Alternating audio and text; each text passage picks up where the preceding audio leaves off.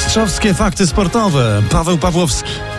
Argentyna trzeci raz w historii wygrywa piłkarskie Mistrzostwo Świata. Pierwszy tytuł to domowy turniej w 1978 roku, później to rok 1986, no i mundial w Meksyku. Następnie był jeszcze przegrany finał z Niemcami, no ale dzisiaj wreszcie po wielu latach Argentyna sięga po raz kolejny po mistrzostwo.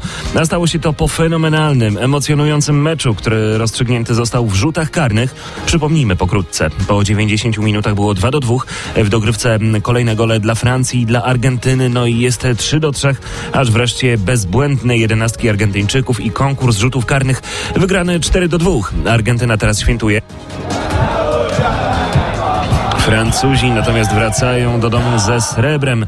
Odnotować należy także doskonały sędziowski występ polskiej ekipy arbitrów. Szymon Marciniak jako sędzia główny, Tomasz Listkiewicz i Paweł Sokolnicki na liniach oraz Tomasz Kwiatkowski jako asystent VAR. Pewne, bezbłędne decyzje, no i mistrzowskie sędziowanie podczas mistrzowskiego meczu, w którym to Argentyna zdobywa złoto.